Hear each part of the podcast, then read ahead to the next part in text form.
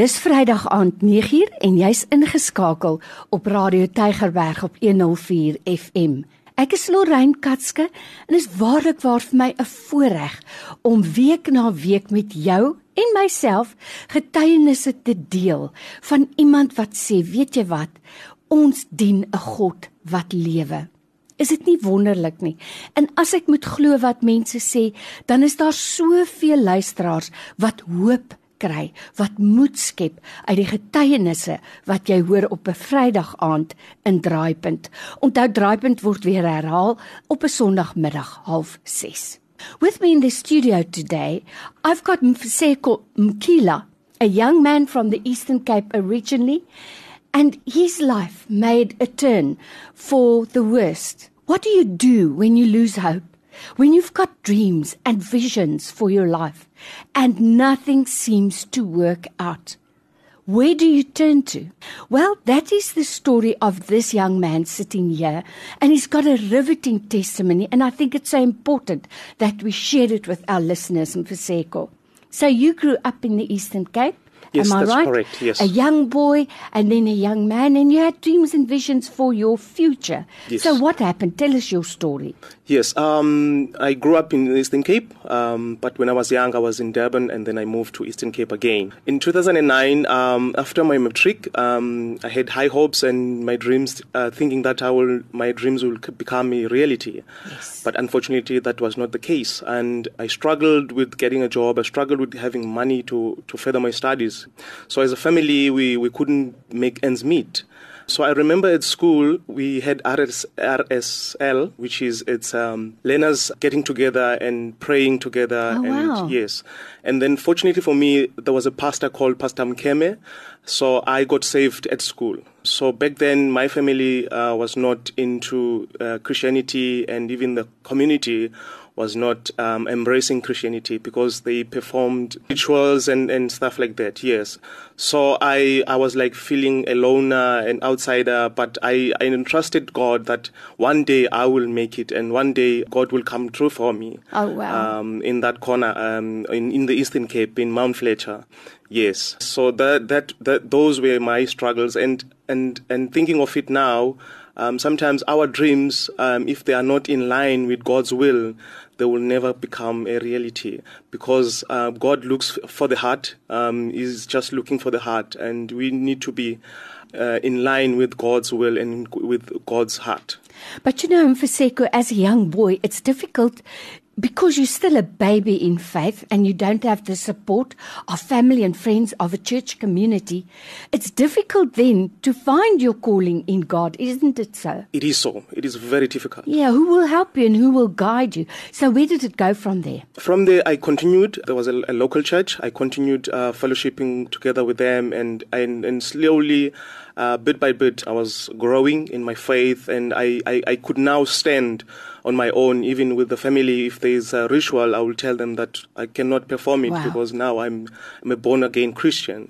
And as a young boy, you challenged them and you just refused, which I think is uncommon in rural communities It for a is young man to stand up for his faith. They will just show you the door. Oh, wow. because now you are man enough you can go and, and Oh, live on your own so i um i for me that's where i just hold on to god and and and to solely uh, rely on him only Oh, him Now, with me in the studio today, I've got Mfiseko, and he's sharing a story with us of a young boy who came to faith, who came to know Christ as his Savior, but with no support, but with big, big dreams and visions. So, Mfiseko, you know, the sad thing for me is a young boy, a young man obviously has the talent to study, the intelligence to study, but no support. And I think it's important that our listeners must understand. We sometimes watch students on television burning down campuses and we get angry. But we must also understand these are young people with visions and dreams of the future. And just because they don't have money, they can't realize it. So it's difficult. How did you manage from there? Uh, from there, as I've said, early 2004, I came to Cape Town for greener pastures. Sure. Because back at home in Eastern Cape, there is no jobs and um, it's it's very tough. It's difficult.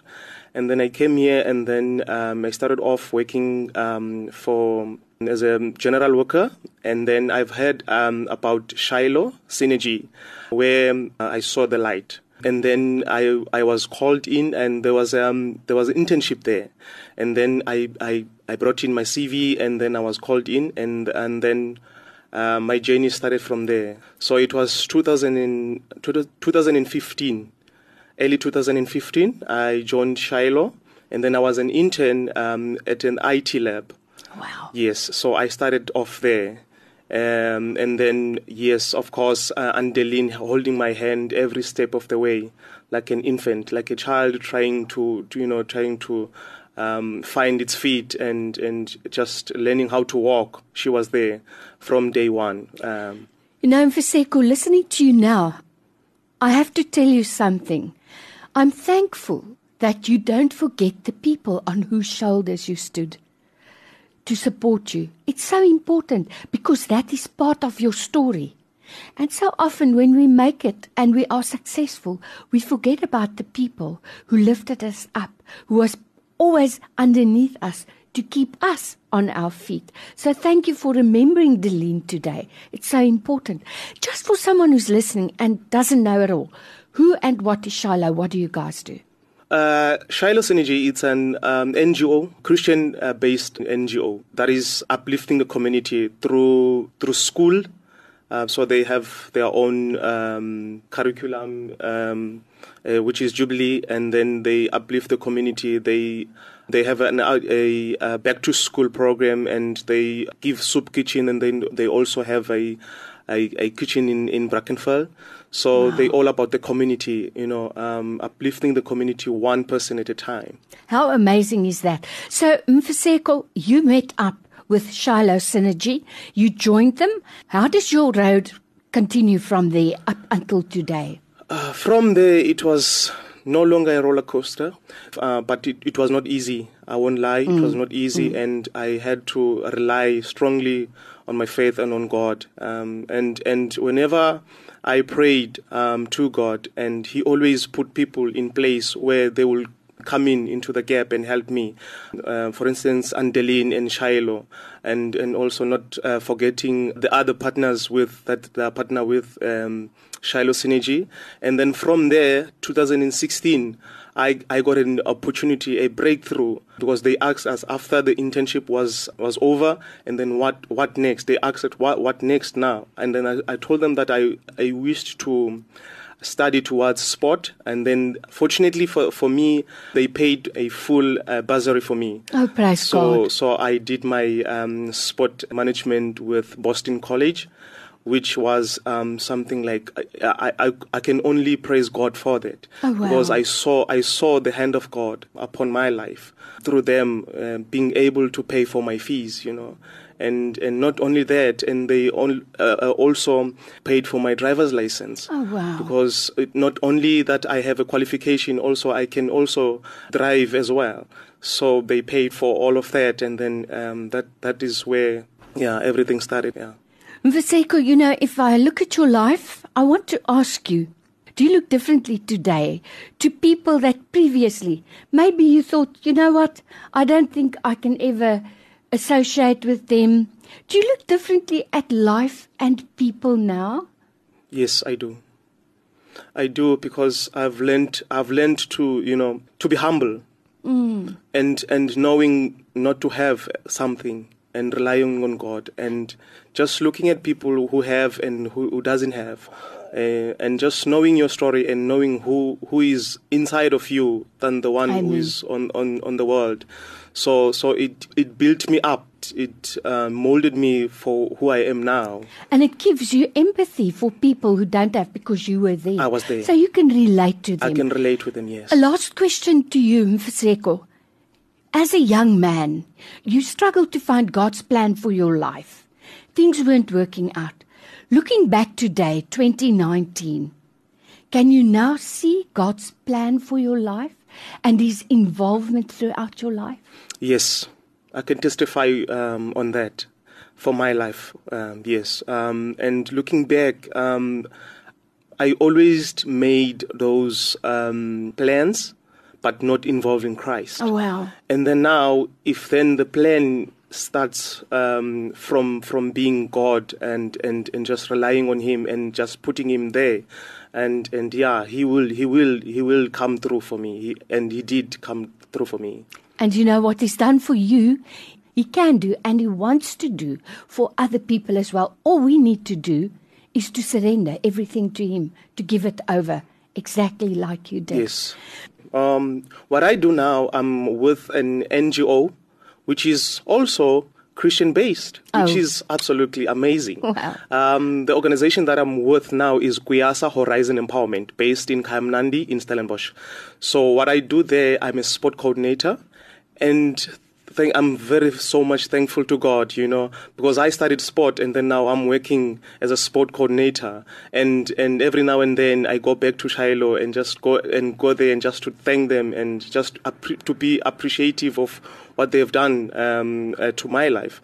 And and yes, and just um, yeah, and and what we do um, in Kuyasa, we have kids. Um, we we have tennis, um, netball, and, and soccer and basketball. So we have a, a module uh, which is Ready Set Go Obabalo, where we, we do sport ministry. And up to recently, we were, we were in um, in Bregastop and in in the Imagine Camp where we were doing sport ministry with the with the kids all over South Africa, and that is now our our calling now is to is to minister in in, in the world of sport and play. You know, two things stand out for me today in your testimony. The one is God specializes in details. The devil fails in the details. God saw ahead what he wants you to do, and he orchestrated a sports bursary for you. So you are exactly walking in the plan of God. And the second thing that I take away today is this. Youngsters will go astray because they've got a lot of energy, they don't know what to do with it, and they spend it in the wrong things. If we can get them to use their energy in something healthy like sport, that is totally in God's plan. And what best way to do that as through a sports ministry? Sport ministry, yes. So, Mfaseko, thank you for coming in today. Deline, ek wil net vir jou ook sê dankie dat jy die stem dat julle en jy die stem van die Here gehoor het, maar daarop gereageer het en gehoorsaam was. Die Here seën julle by Shiloh Synergy and you as well. God bless you my friend. God bless you. Thank you so much for having me. Thank you so Thank much. you. It's a very much a privilege.